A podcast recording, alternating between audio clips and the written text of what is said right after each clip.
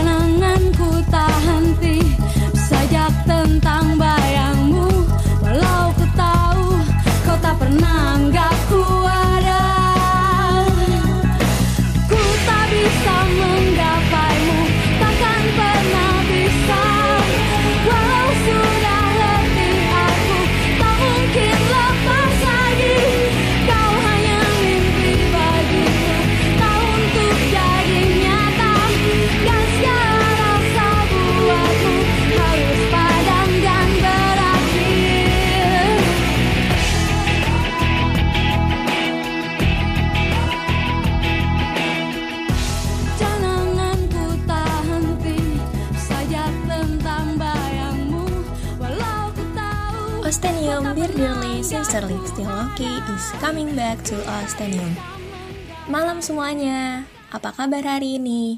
Apakah harinya menyenangkan? Atau lagi gunda gulana? Kembali lagi nih bersama Kapela dan Arkinar di Odds Nightmare Edition kedua Gimana nih? Udah pada siap belum dengerin edisi Nightmare kali ini? Udah nyiapin apa aja? Matiin lampu udah? Lilin, lilin, udah nyala belum lilinnya? Ya elah, ngapain sih bawa lilin segala? Emang mau pesugihan? Siapa tahu aja gitu. Oh iya, seperti edisi yang sebelumnya, Arkinar mau ngingetin buat semua yang lagi dengerin sekarang, jangan lupa untuk berdoa sesuai agama dan kepercayaan masing-masing. Terus, jangan bersugesti negatif ya, santai aja lah kita kayak di pantai. Terus, kalau sekiranya hawa-hawa di sekitar kamu udah nggak enak, bisa minum air putih ya. Bukan berarti minumnya pas hawa nggak enak doang. Pokoknya stay hydrate ya. Okidoki, sekarang yuk kita denger dulu karya pertama dari Veginim, Heather. I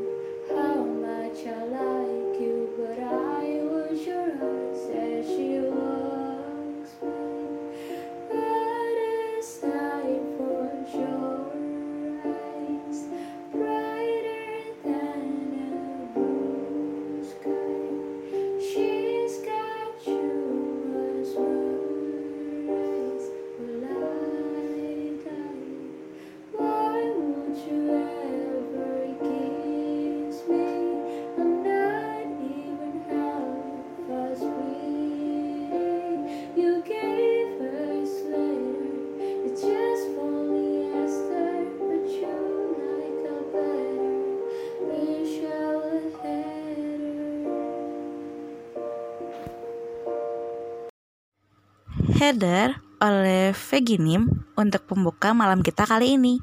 Di edisi ini yang berbagi cerita sama Oats banyak loh. Masa? Emangnya ada siapa aja yang cerita? Ada kasih tahu nggak ya ada siapa aja? Pada penasaran nggak nih? Kalau kapela sih enggak ya, kan udah baca duluan. ya udah, sekarang kita mulai aja yuk. Ada Tom Catnim yang berbagi ceritanya tentang 2 AM alias jam 2 malam. Kejadian ini gue alami sekitar 2 tahun yang lalu. Saat itu, waktu udah nunjukin pukul 2 dini hari saat gue turun ke dapur untuk ngambil beberapa makanan ringan. Sesampainya di kursi minibar yang ada di depan dapur, gue ngeliat sosok yang menyerupai tubuh adik gue. Kalau dilihat secara lebih detail, itu memang adik gue sih. Tapi sebenarnya bukan. Karena adik gue saat itu ada di negara lain. Jadi nggak mungkin dong dia pulang secepat itu. Gue menghampiri sosok tersebut. Dia berbalik menatap gue. Tatapan matanya kosong. Dan gue baru tahu ada sosok lain yang menempel di belakang dia. Lo siapa? Bukannya menjawab pertanyaan gue, sosok di hadapan gue malah merubah wujudnya. Tadinya menyerupai adik gue, menjadi sosok dirinya yang sebenarnya. Sosoknya berwujud seperti kepulan asap berwarna hitam dan tinggi besar. Sosok yang menempel di belakangnya pun juga berubah, lebih besar dari sebelumnya. Gue berdecak saat merasakan hawa di sekeliling gue begitu pekat dan sesak. Belum lagi saat sosok itu perlahan mendekati gue, membuat badan gue sedikit nyeri. Tapi beberapa detik kemudian, gue bisa merasakan ada angin yang mengenai tubuh gue. Seiring dengan hembusan angin itu, gue bisa merasakan hawa di sekitar gue berangsur normal. Sosok di hadapan gue juga lenyap begitu saja. Membuat gue menghembuskan nafas lega saat indera pendengar gue kembali mendengar suara air di taman belakang. Gue ingin kembali mengambil makanan, tapi lagi-lagi harus terhenti saat gue menyadari ada sosok lain di belakang gue. Gue menoleh untuk melihat siapa lagi yang muncul, dan lagi-lagi harus berdecak karena ternyata di sana ada sosok bocah kecil yang sedang tertawa. Dia Peter, teman kecil adik gue yang selalu mengikuti ke mana pun adik gue pergi. Sosok berusia lima tahun ini begitu nurut dengan adik gue, tapi tidak dengan gue. Itu sebabnya gue sedikit kesal jika dia sudah muncul di hadapan gue. Kamu dikirim Raina? Gue bertanya seraya makan snack. Dan gue bisa lihat dia tersenyum lebar sebelum akhirnya mengangguk. Kak Raina bilang kakak ada yang ngejailin. Jadi Peter harus ngusir. Itu adalah jawaban yang dikirimkan ke pikiran gue. Membuat gue mengangguk mengerti. Ya udah sana, balik lagi kamu. Jagain Raina di sana. Gue mengusir makhluk kesayangan adik gue ini. Bukannya langsung lenyap dari hadapan gue, sosok kecil itu malah tertawa sambil memeluk kaki gue terlebih dahulu sebelum akhirnya lenyap. Setelah gue rasa nggak ada yang gue lakukan lagi di dapur, gue pun naik lagi ke kamar. Dan sebelum masuk ke kamar gue, gue melirik pintu kamar adik gue. Di sana, gue bisa melihat sosok seekor harimau yang baru saja melewati pintu kamar adik gue. Iya, itu salah satu makhluk yang ngejaga rumah ini. Dan biasanya mereka muncul saat adik gue memanggil mereka. Sesampainya di kamar, gue langsung mengambil handphone dan ternyata ada pesan dari adik gue. Tadi itu sosok kiriman. Gak usah dibahas siapa yang ngirim. Udah aku usir dan bersihin kok, tenang aja. Sorry, tadi sempat buka gerbang kang Rena. Aku kangen rumah dan lupa ditutup lagi. Hehehe. Udah ya mau main lagi. Selamat tidur. gue hanya menggeleng membaca pesan tersebut dan pada akhirnya gue memilih kembali mengerjakan pekerjaan sempat tertunda ditemani oleh salah satu sosok yang juga menghuni rumah ini. Sosok ini sama seperti Peter. Namun dia adalah anak perempuan dan tingkah anak ini jauh lebih bisa diatur dibanding Peter. Itu sebabnya gue mengiyakan saja saat dia memilih tinggal di kamar gue. Nama di atas itu bukan nama sebenarnya ya, dan untuk Peter, itu sebenarnya bukan nama dia. Tapi dia selalu nengok kalau dipanggil itu. Peter juga penasaran saat gue bilang ada nama dia di Ostenium. dia bilang, apakah Peter di sana bisa diajak main? Hah, ceritanya Tom Catnip pasti bikin Arkinar gak mau ke dapur dini hari deh. Kapela bisa bayangin Arkinar sekarang merinding ketakutan. jangan buka kartu. Ah malu banget. Malu malu malu malu malu malu. Tapi tapi tapi tapi bener juga sih. Kalau tiba-tiba di dapur ada yang dateng Arkinar sih langsung lari. Terus itu ditanyain tuh Peter di Astenium bisa diajak main nggak? Coba mana mamanya angkat tangan eh eh angkat suara boleh nggak tuh Nah, Tom Catnip kalau Peternya mau main sama Peter di Ostenium, bilang aja ya sama mamanya. Terima kasih ya sudah berbagi ceritanya sama Odds. Sekarang kita istirahat dulu yuk. Minum dulu, minum, minum. Terus peregangan dulu biar nggak tegang. Sambil temenin lagu Brit dari Lihai. Enjoy!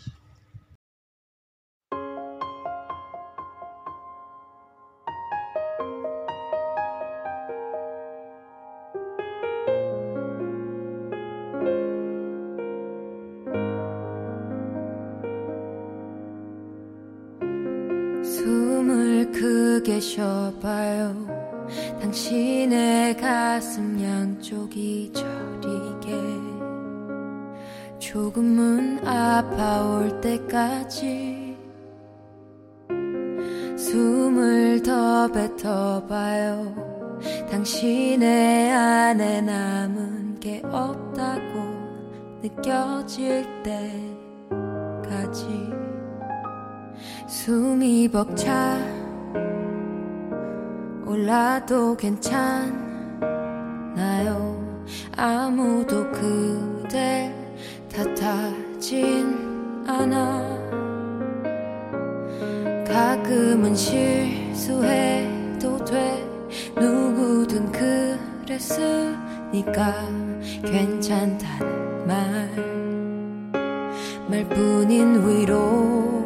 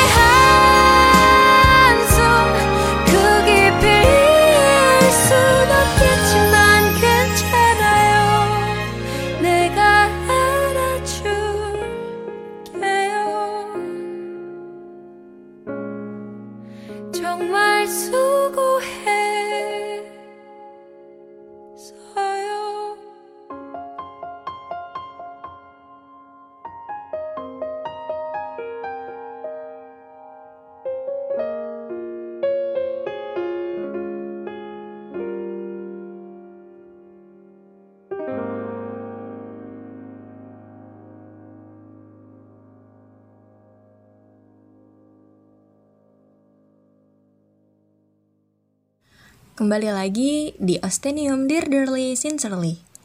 Gimana? Udah minumnya? Udah peregangannya? Siap gak nih lanjut lagi? Lanjut yuk lanjut. Sekarang ada head kinonim yang bercerita tentang Red Dress Lady. Yuk langsung aja kita dengerin ya. Panas adalah kata yang tepat untuk mendeskripsikan cuaca siang hari itu. Entah bagaimana, meskipun cuaca sedikit tidak bersahabat, gue justru melangkahkan kaki di salah satu kompleks museum peninggalan era kolonial Belanda.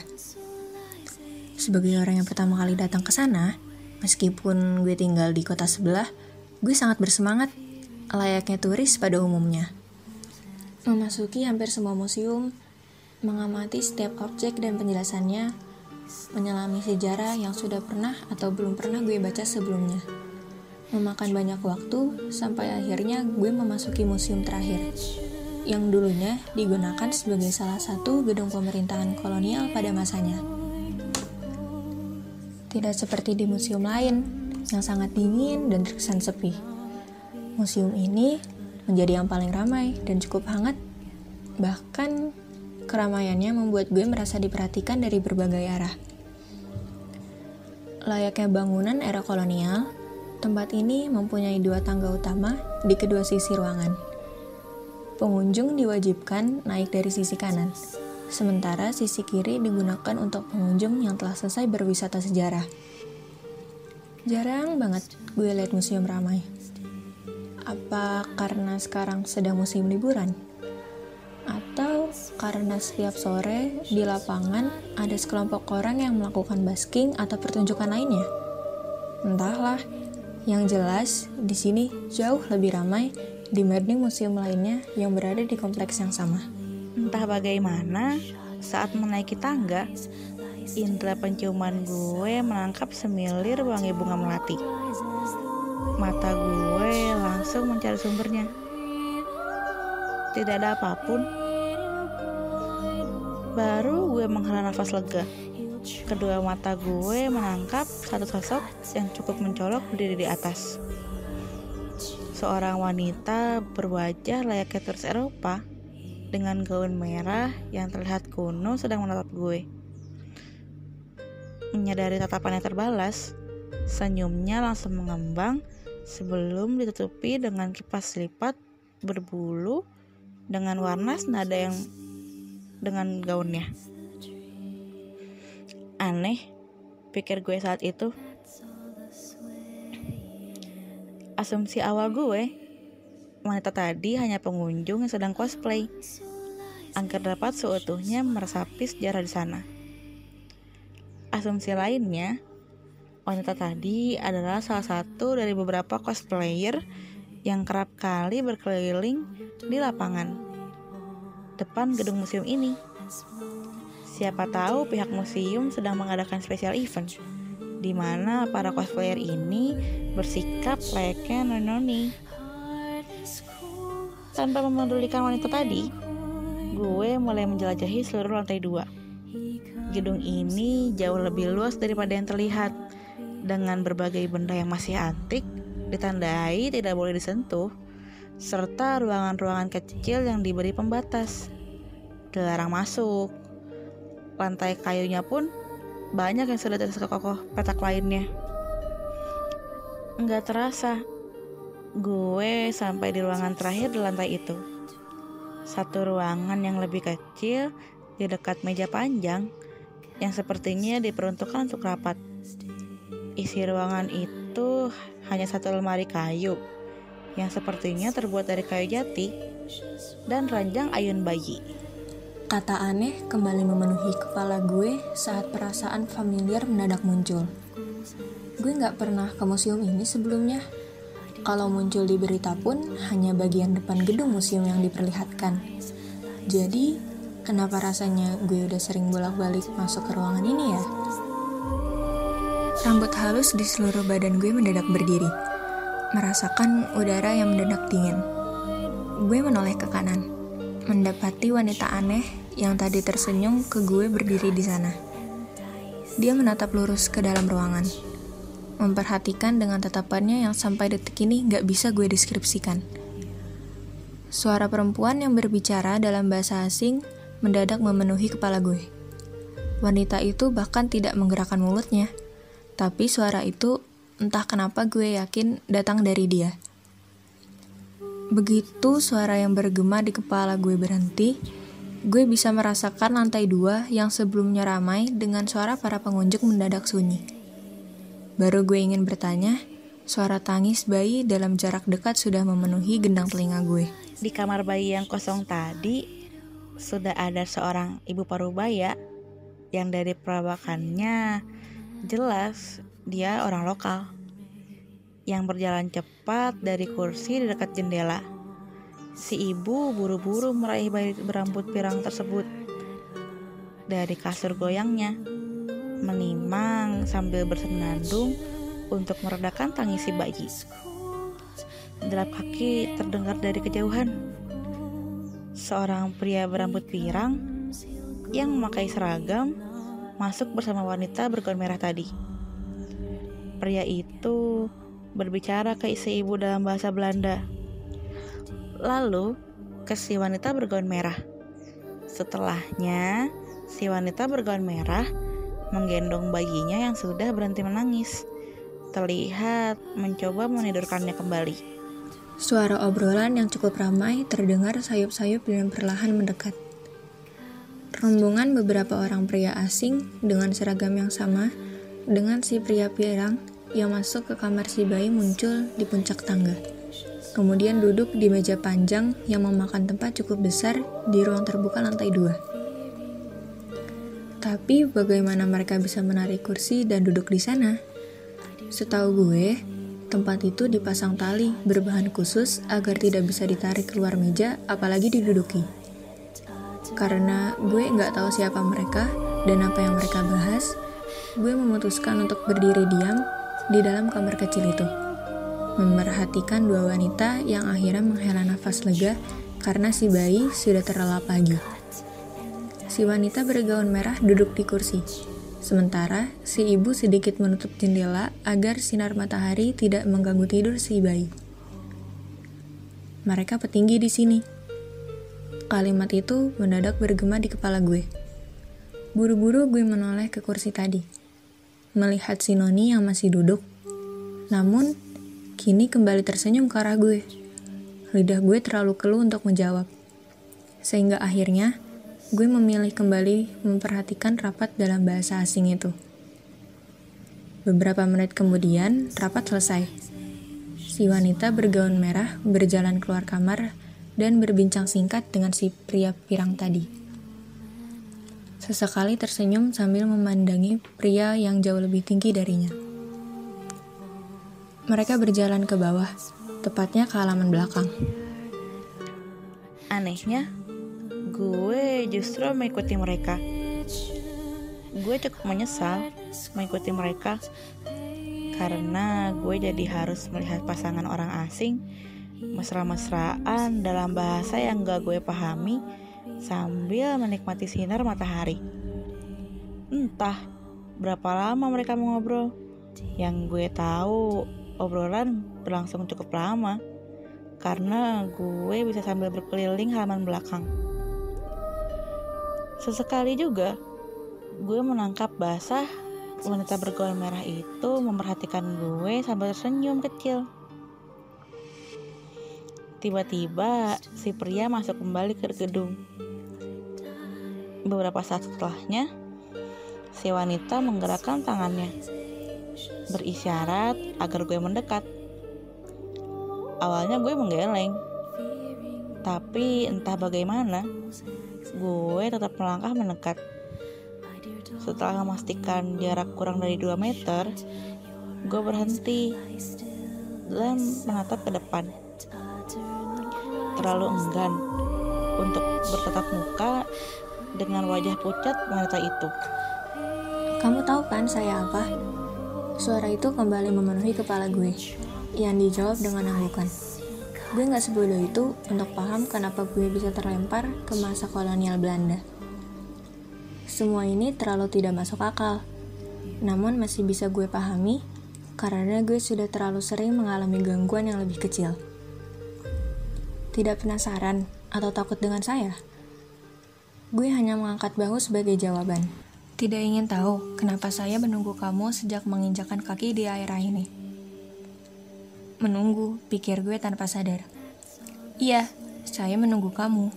Makanya yang lain jadi ikut penasaran dan memperhatikan sejak kamu masuk. Gue nggak tahu harus berkata apa, karena gue memang bukan bagian dari mereka yang bisa melihat. Hanya sekedar lebih sensitif dan peka dibanding manusia lain.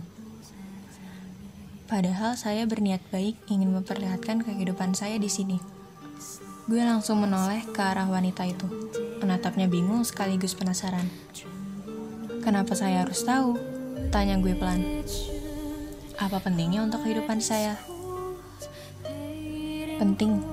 Wanita itu balas menatap gue, tersenyum sedih sebelum mengucapkan sesuatu dalam bahasa Belanda. Untuk pertama kalinya, gue menyesal tidak mempelajari bahasa Belanda. Sekarang gue harus hidup dengan rasa penasaran soal apa ya hal penting yang harus gue ketahui di sini.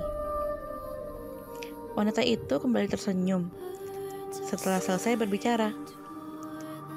Dia kembali menghadap ke depan sebelum mengumumkan pelan.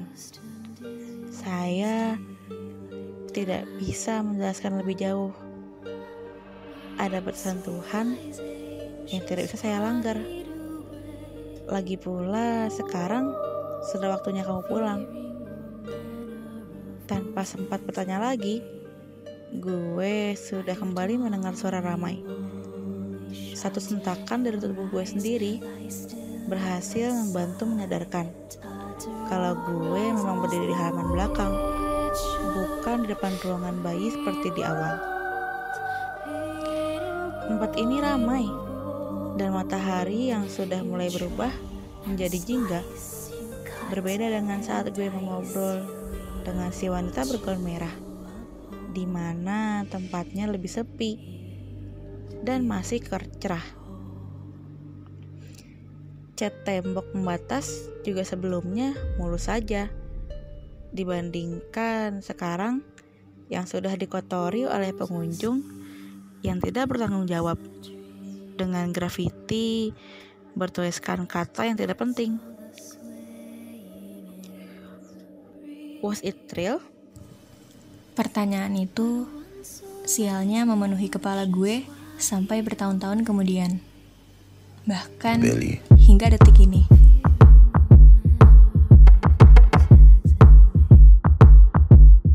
What do you want from me? Why don't you run from me? What are you wondering? What do you know?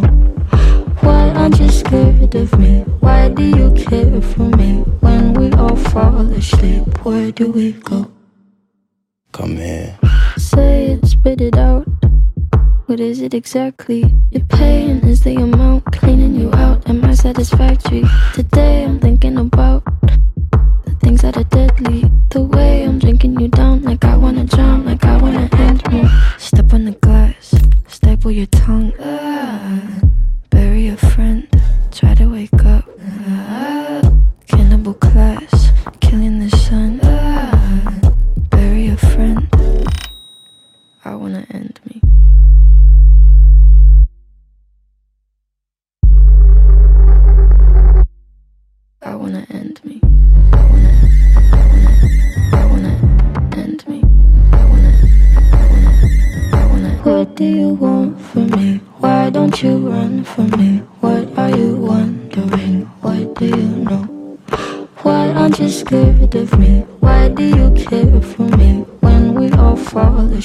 where do we go? Listen. keep you in the dark. What had you expected? Me to make you my art and make you a star and get you connected. I'll meet you in the park. I'll be calm and collected. But we knew right from the start that you'd fall apart cause I'm too expensive.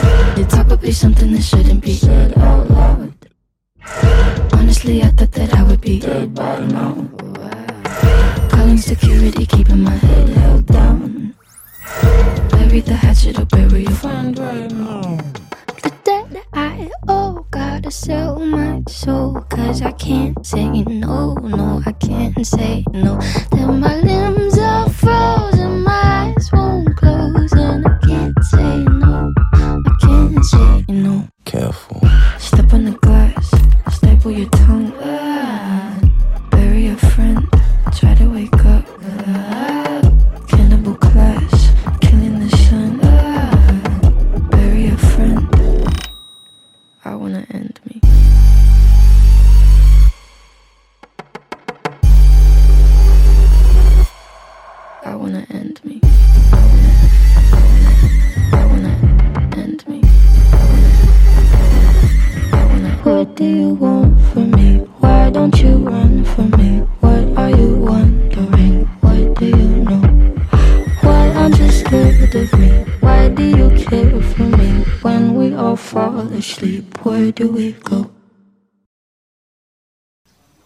Itu dia, Raptorist Lady dari Head Kinonim.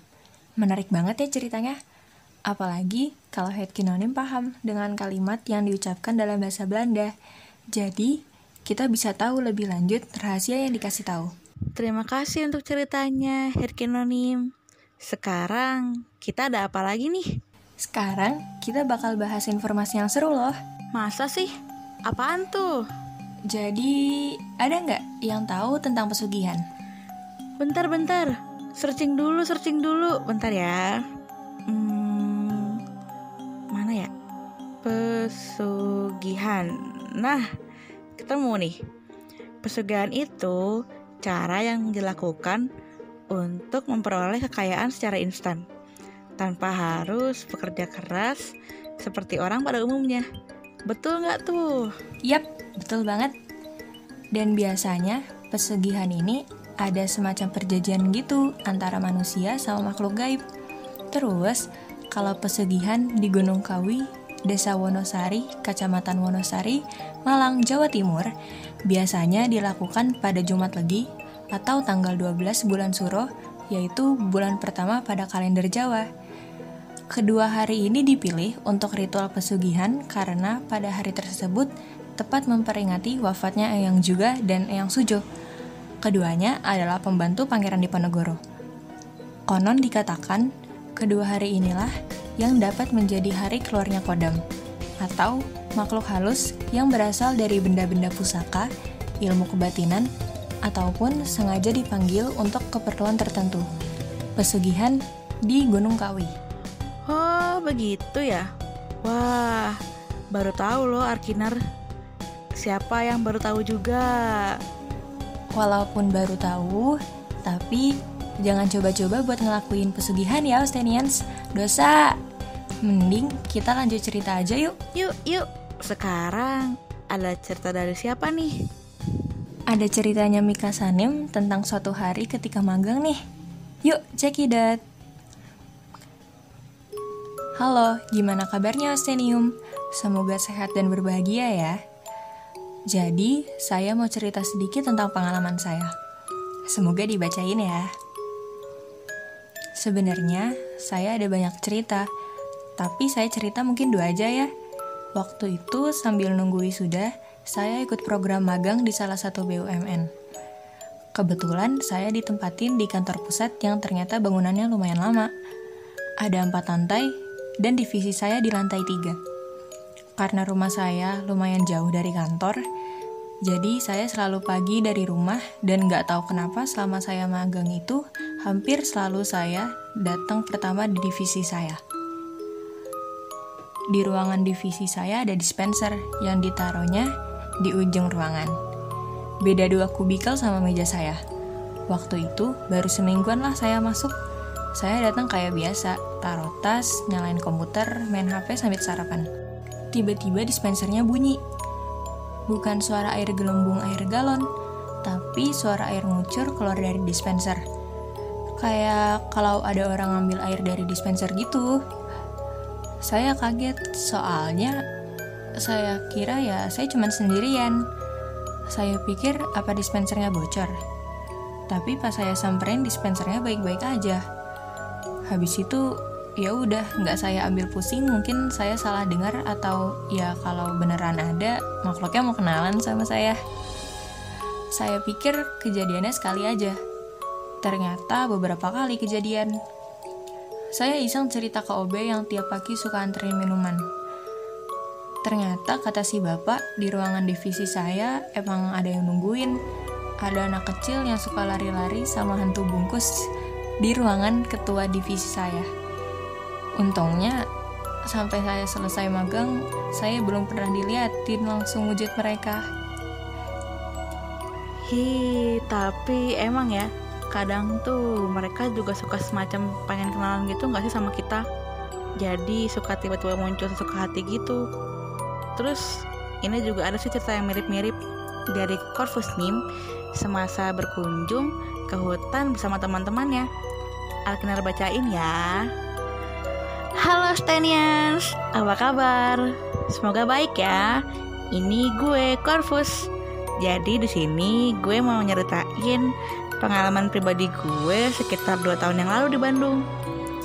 Jadi, gue berempat sama temen gue itu liburan ke Bandung. Tiga cewek sama satu cowok. Terus kita tuh nyewa apart tuh buat tempat tinggal sementaranya. Kita liburan 4 hari 3 malam. Dua malam pertama sih oke-oke aja. Tapi malam terakhir ini yang jadi masalah. Jadi siangnya tuh gue sama teman-teman gue tuh pergi ke Orchid Lembang. Apalah itu namanya? Nah, kita nggak ada yang tahu kan kalau satu temen gue ini itu lagi red day. Ya gue sih sama yang lain asik-asik aja lah ya ngelilingin tempat ini, foto-foto juga. Tapi teman gue yang satu ini itu bawaannya lemes banget.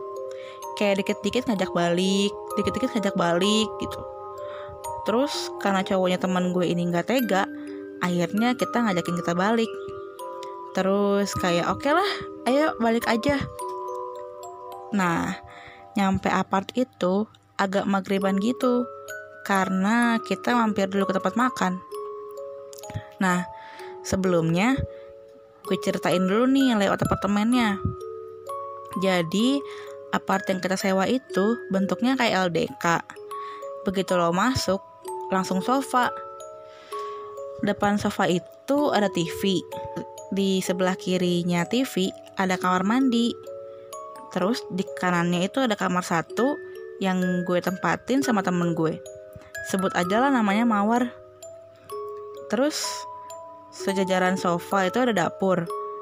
Nah, di sebelah kanan dapur ada kamar gue dua yang ditempatin temen gue sama cowoknya. Kebayang kan? Begitu sampai temen gue yang red day ini sebut aja lah dia melati duduk di sofa matanya itu kayak kosong gitu gue udah ngerasa nggak enak nih hawa-hawanya nggak lama si melati tuh nyuruh mawar buat magriban terus si mawar bingung kok tumben nih anak ngingetin gue buat ide buat ibadah. Cuma nggak ambil pusing lah ya. Terus pas si mawar salat gue mandi. Sementara si melati sama pacarnya masuk kamar soalnya nggak enak badan. Begitu gue keluar dari kamar mandi yang di hadapan gue kan sofa langsung ya. Nah di situ gue ngeliat ada orang duduk. Jelas banget tapi semua badannya tuh hitam gitu. Lo pernah nggak sih nonton detektif Conan? Kalau pembunuhnya belum ketahuan kan kayak semuanya hitam gitu loh. Nah iya tuh persis kayak gitu. Gue kaget banget tuh. Langsung buang muka. Terus buru-buru aja jalan ke kamar. Pas di kamar gue ngeliatin si mawar yang udah selesai sholat terus lagi tidur-tiduran di kasur. Gue bilang sama dia ini pintu kamar mau gue kunci. Lo kalau mau keluar bangunin gue ya. Tapi jangan pernah keluar sendirian. Gitu. Gue nggak kasih penjelasan apa pun sih. Terus anaknya bingung sama takut gitu kan. Terus nanya-nanya juga. Cuma gue nggak mau lah bahas kalau sosok itu masih satu atap sama kita. Akhirnya nggak gue kubris. Karena abis mandi kena angin-angin AC kan ngantuk tuh jadinya akhirnya gue ketiduran. Mind you. Gue tuh kalau tidur kayak orang mati. Bener-bener gak sadar sekeliling. Sekitar jam setengah lima pagi gue bangun si mawar tuh sebelah gue udah bangun juga. Terus mukanya pucet banget. Gue tanyain tuh dia kenapa? Apa nih anak sakit juga apa gimana ya kan? Tapi ternyata dia jawab gini tadi jam empatan tuh ada yang gedor-gedor pintu minta masuk. Gue udah teriak tuh melati itu lo? Soalnya gue takut kalau bukan. Cuma nggak dijawab-jawab sih terus gedor-gedor terus. Sampai engsel pintunya juga naik turun kayak maksa masuk gitu. Ngerti nggak sih? Gue udah bangunin lu cuma gue takut buat bergerak. Jadi gue diem aja. Persis pas subuh baru berhenti. Ngeri banget gue udah mau ketawa kan dengar ceritanya. Kasihan sih cuma lucu aja sih ngebayangin dia diem nge-freeze gitu. Gue bilang ya udah ayo kita keluar sama-sama udah pagi ini. Nah pas kita keluar si melati sama cowoknya tuh udah duduk di sofa. Si melati terus ngomong dengan nada nuduh lo ngapain sih pagi-pagi gerasak gerusuk? Berisik tahu terus gue jawab aja bukan gue itu itu yang lo bawa pulang ke sini. Terus melati diem aja. Dan akhirnya kita packing buat pulang. Moral of the story. Jangan pernah ke orchid atau ke tempat-tempat hutan gitu. Kalau lagi red day Dan kalau nggak mau dikintilin sesuatu Sampai pulang guys. Segitu dulu cerita dari gue. Cheers. Cheers.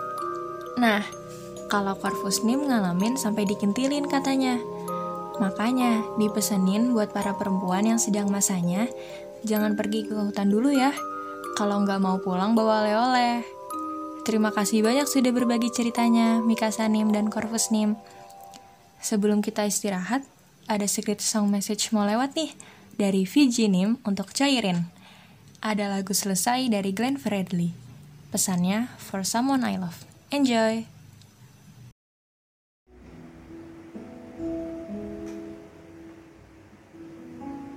Jalan yang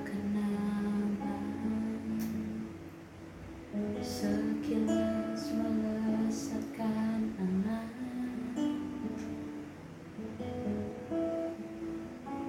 Sungguh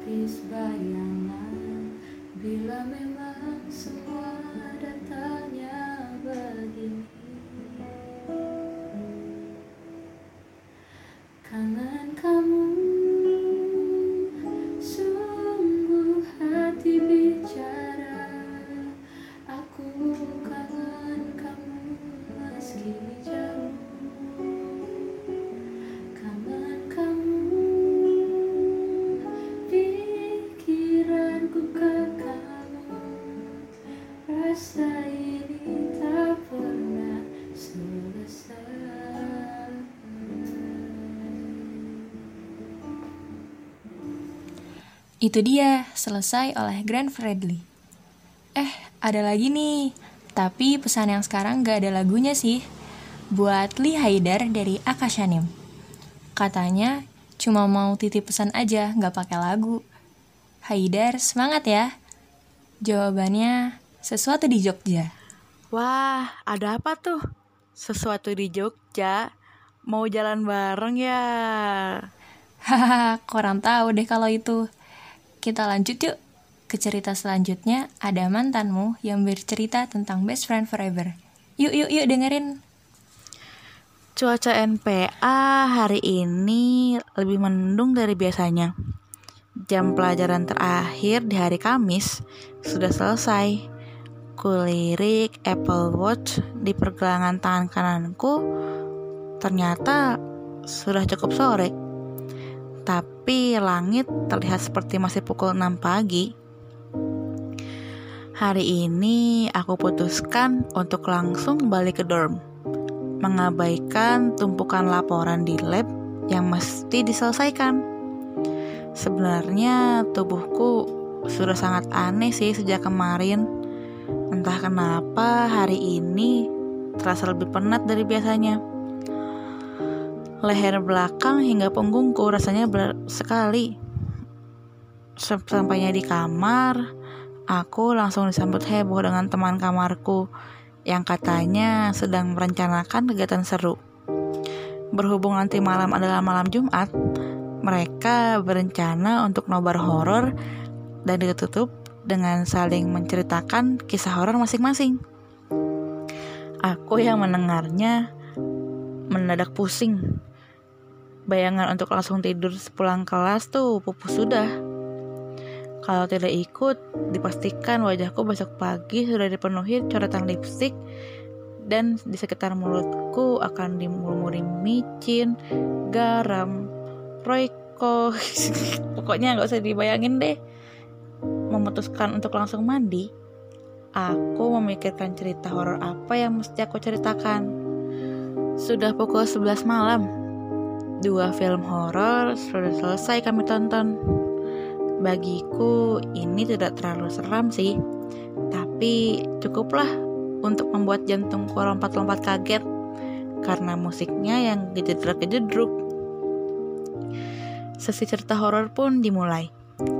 Aku mengajukan diri untuk cerita pertama, agar ketika yang lain cerita, aku bisa mendengar sambil tidur. Jadi, begini ceritanya. Namuri adalah pemuda distrik 4 yang sudah lama tinggal di luar negeri. Tidak pernah pulang, meskipun di kediamannya ada perayaan-perayaan besar. Tahun lalu, saat tidak ada perayaan apa pun, dia pulang dengan alasan rindu tempat lamanya.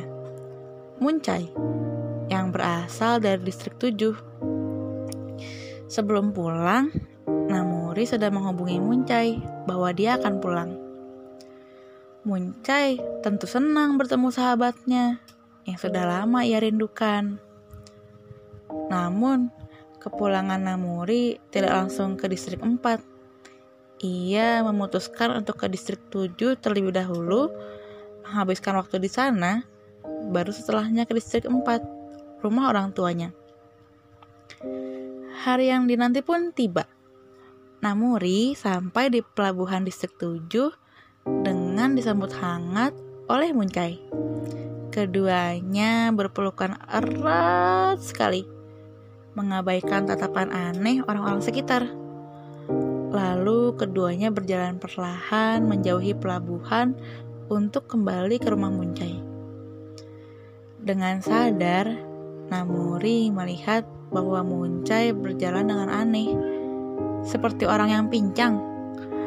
Ketika ditanya, Muncai menjawab bahwa kakinya memang sempat patah sih karena jatuh dari pohon kelapa pinggir pantai dekat rumahnya. Namuri terlihat sedih dan kemudian memberikan nasihat kepada Muncai untuk lebih berhati-hati. Hari-hari Namuri di rumah Muncai berjalan seperti biasanya. Muncai yang tinggal sendiri membuat Namuri lebih merasa bebas seperti rumah sendiri. Kegiatan kedua pemuda ini diisi dengan melakukan hal-hal biasa seperti memancing bersama, memasak hasil pancingan, dan memakannya bersama. Mengambil buah kelapa dari pohonnya dan nikmati bersama. Kali ini tentu saja Namuri yang memanjat, hehehe. Hingga tak terasa, satu minggu sudah Namuri berada di distrik 7, di rumah Muncai. Pagi ini, ia memutuskan untuk pulang kembali ke distrik 4 dengan Muncai yang mengantarnya hingga pelabuhan, tempat kemarin mereka bertemu. Ketika sudah di atas kapal, Namuri melambaikan tangan ke arah Muncai. Dadah, dadah. Begitu juga Muncai. Tapi ia menyadari tatapan aneh orang-orang di sekitar pelabuhan. Seperti seminggu yang lalu, berusaha mengabaikan tatapan itu, Muncai tetap tersenyum ke arah sahabatnya yang entah kapan bisa ia temui lagi. Namuri sampai di rumahnya dengan perasaan senang. Ibu Namuri juga menyambutnya dengan perasaan senang. Namuri menceritakan bahwa ia tidak langsung pulang, tetapi berkunjung dulu ke distrik 7 untuk menemui Muncai. Ia menceritakan seluruhnya dari awal bertemu hingga tadi ketika mereka berpisah di pelabuhan. Ekspresi Ibu Namuri perlahan berubah. Wajah senangnya berganti dengan isakan tangis. Namuri yang melihat ibunya mendadak pun berubah bingung. Dengan terbata-bata di tengah tangisan ibunya bercerita bahwa Muncai sudah meninggal dua tahun yang lalu karena kapal yang ia pakai melaut tergulung ombak dan mayatnya ditemukan di dasar laut dengan kaki kanannya terjepit di sela-sela batu karang. Mungkin karena itu, dia tidak bisa menyelamatkan diri dengan berenang ke permukaan. Namuri kaget, sangat-sangat kaget. Dalam hati kecilnya, ia tidak terima dengan cerita ibunya. Sudah jelas seminggu ini dia menghabiskan waktu bersama Muncai seperti orang normal. Tidak ada kejanggalan apa pun. Namuri menangis histeris dan pingsan. Kabarnya, Sejak cerita itu, Namori selalu menangis dan hanya berhenti ketika dia pingsan atau tertidur. Hal ini membawa pengaruh bagi kesehatannya. Namori mengalami demam tinggi selama dua minggu dan dinyatakan meninggal keesokan harinya. Benar-benar persahabatan dunia akhirat. Dengar cerita, katanya Kenapa Muncai dan Namori bisa bertemu itu? Karena keduanya saling memendam rindu yang sangat-sangat besar. Sampai akhir hidupnya pun, Muncai masih tetap berharap untuk bisa bertemu lagi dengan sahabat lamanya, yaitu Namuri. Aku menutup cerita pertama kami karena mendengar isakan kecil teman kamarku. Sepertinya aku salah mengangkat cerita. Ini bahkan tidak ada horornya sedikit pun. Untuk mengakhiri cerita, aku berpesan Semoga kita bisa selalu bertukar kabar, seenggak penting apa pun itu. Aku ingin berteman dengan kalian semua sampai nanti salah satu dari kita ada yang mengabari di grup. Hai, besok aku menikah. Mohon doanya ya, hehehe. Cerita selanjutnya pun dimulai. Aku mendengarnya sambil memejamkan mata karena sejak bercerita, aku merasa kepalaku semakin lama semakin berat. Sampai tidak sadar, ternyata sudah berganti hari. Memaksa untuk bangun, aku memeriksa kondisi teman-temanku. Yang ternyata kita semua demam. Hmm, benar-benar ya calon teman sedunia akhirat. Hmm, benar-benar calon teman sedunia akhirat katanya. Semoga ya, seperti harapannya mantan Munim, kita bisa berteman sampai nanti berkabar kalau mau nikah. Time sure flies and we hope we will reach the time, oke? Okay? Terima kasih sudah berbagi ceritanya mantan Munim. Yuk, sekarang kita istirahat dulu sambil dengerin Beautiful oleh Baekhyun. Enjoy!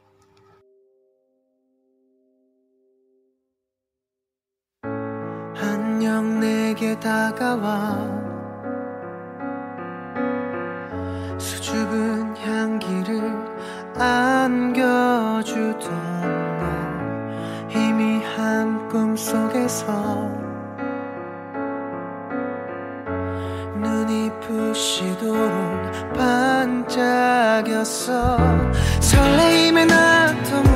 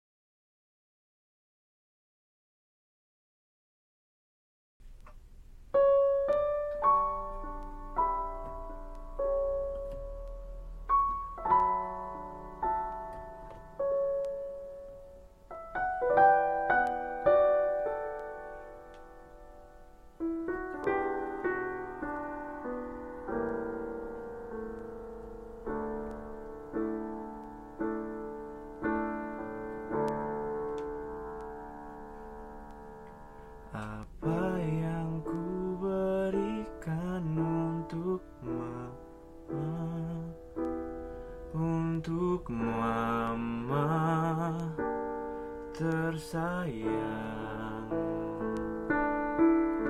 Tak ku miliki sesuatu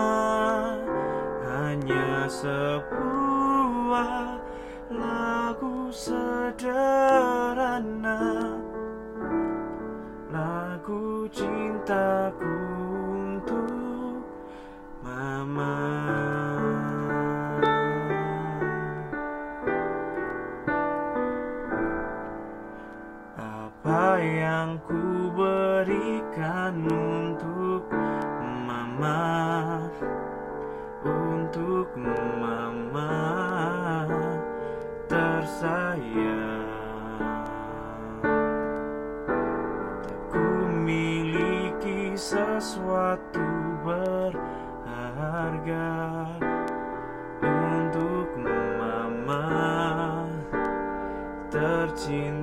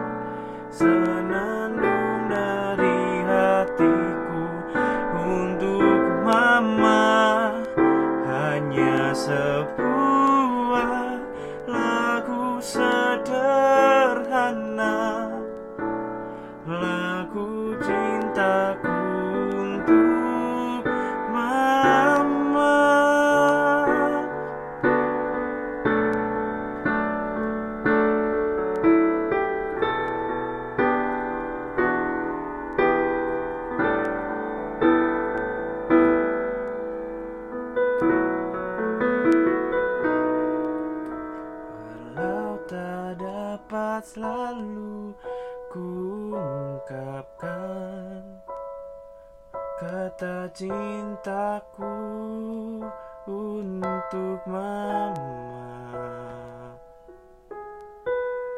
Mendengarkanlah hatiku berkata Sungguh ku sayang.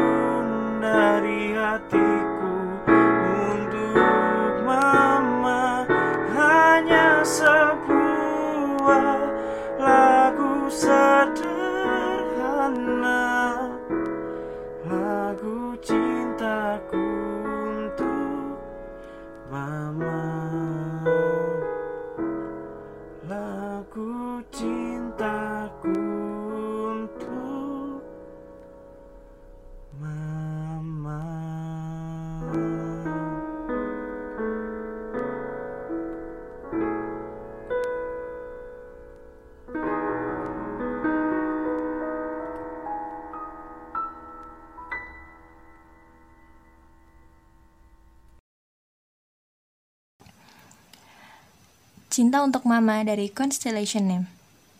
Kapela bisa lihat nih, Arkinar sekarang lagi mode mengagumi Constellation Name di sana.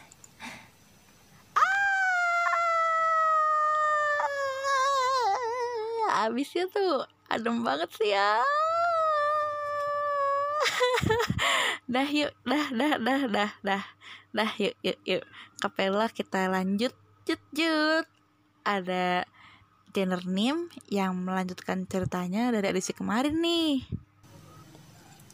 Masih ingat ceritaku menangis karena mendengar tangisan yang begitu sendu? Pagi harinya, gue seakan lupa dengan kejadian dini hari yang menyebabkan gue pingsan. Setiap hari gue selalu ada di kosan teman gue itu. Sering juga gue nginep di sana. Tapi nggak ada tangisan ataupun hal aneh lainnya yang terjadi. Dan seiring berjalannya waktu, gue yang biasanya penasaran akan hal-hal sensitif yang sering gue rasakan pun perlahan lupa. Sekitar satu bulan setelahnya, gue pulang ke rumah orang tua gue dijemput sopir. Hari itu gue sangat bahagia, karena akhirnya gue bisa kumpul dengan keluarga dan bisa ketemu lagi sama mama papa. Tapi gue gak enak badan, rasanya sedikit demam dan mual ketika di perjalanan. Awalnya gue kira mabuk kendaraan, atau karena badan yang kurang fit. Tetapi setelah gue sampai rumah, badan gue semakin lemes. Kepala pusing seakan-akan ada yang menghimpit. Perut gue mual dan sesak nafas. Enggak, kali ini gak pingsan, tapi lagi-lagi gue tersiksa. Setelah tahu penyebabnya, gue disuruh berinteraksi langsung dengan cara perantara tubuh seseorang. Ternyata dia udah ngikutin gue dari dua tahun lalu. Dia iri pada hidup gue yang punya keluarga lengkap dan hidup bahagia. Dia selalu ingin merasakan punya ayah, tapi takdirnya berkata lain. Dia tidak diinginkan oleh ibunya. Setiap gue merasa bahagia karena keluarga, maka kehadirannya jadi negatif dan punya tujuan yang gak baik. Melihat kebahagiaan orang lain dengan keluarganya membuat sedih karena mengingat apa yang telah terjadi semasa hidupnya. Dia tidak diinginkan oleh ibunya. Dia tidak dianggap oleh keluarga besarnya. Dia takut untuk berteman dengan seseorang. Hidupnya kesepian. Yumi, akhirnya waktunya tiba di kesempatan ini. Aku bisa membagikan kisah ini atas permintaanmu. Sekarang, Yumi punya banyak orang yang peduli setelah mendengar kisahmu. Kamu perempuan hebat. Kamu kuat bisa melewati betapa beratnya kehidupan dan ketidakadilan di usiamu saat itu. Teman-teman, kisah ini berdasarkan kejadian nyata yang aku alami sendiri. Aku boleh minta doanya untuk Yumi ya. Terima kasih Ostenium. Terima kasih juga Jenner Nim yang sudah berbagi cerita dan kita doain juga ya buat Yumi yang terbaik. Sekarang kita istirahat yuk diiringi simfoni hitamnya Serina. Jangan lupa minum dan peregangan dulu ya Ostenians selama istirahat. Enjoy!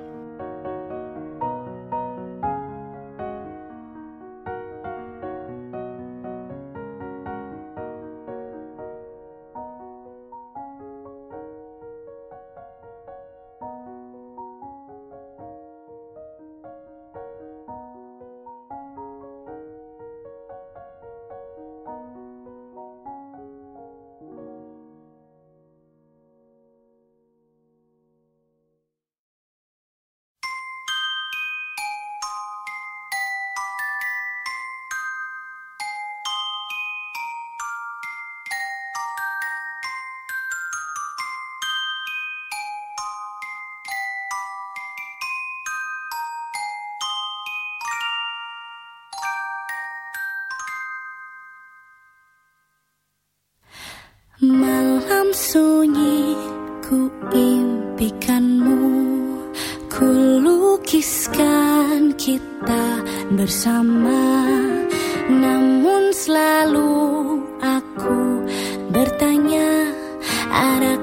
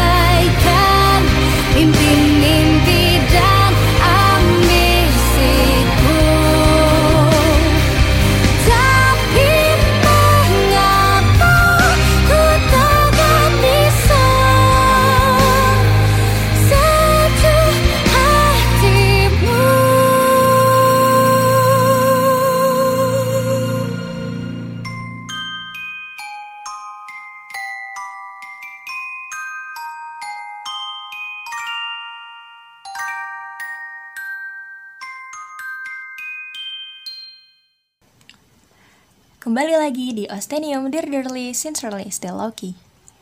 Arkinar, kali ini ada fakta menarik apa nih?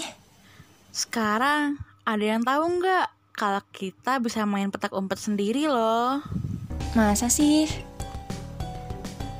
Iya, ada tuh. Namanya tuh Hitori Kakurenbo. Permainan petak umpet sendirian dari Jepang. Yang dibutuhkan untuk melakukan permainan ini adalah boneka yang memiliki tangan dan kaki. Tidak perlu boneka manusia, hewan pun bisa. Tali atau benang berwarna merah, air garam, beras, dan sebuah pisau. Konon katanya kamu juga membutuhkan darahmu sendiri. Jangan pernah lakukan ini, karena ketika kamu memulai permainan ini, kamu tidak bisa memberhentikannya secara paksa. Boneka yang kamu gunakan akan mencarimu ke mana pun sampai salah satu di antara kalian menang. Untuk dapat memenangkan permainan ini, kamu harus mengguyurkan air garam kepada bonekamu dan berteriak, "Aku menang!" sebanyak tiga kali. Namun, jika kamu terlambat untuk melakukannya dan kalah, legenda mengatakan tubuhmu akan diambil alih oleh sang boneka. Oh iya, peringatan jika seandainya kamu tetap ngotot untuk melakukan permainan ini, jangan pernah terpancing oleh keanehan-keanehan yang terjadi selama permainan. Entah itu sekedar barang pecah, sampai anak kecil menangis. Teruslah bersembunyi, dan jangan biarkan kamu ditemukan. Atau kamu tahu sendiri kan apa yang akan terjadi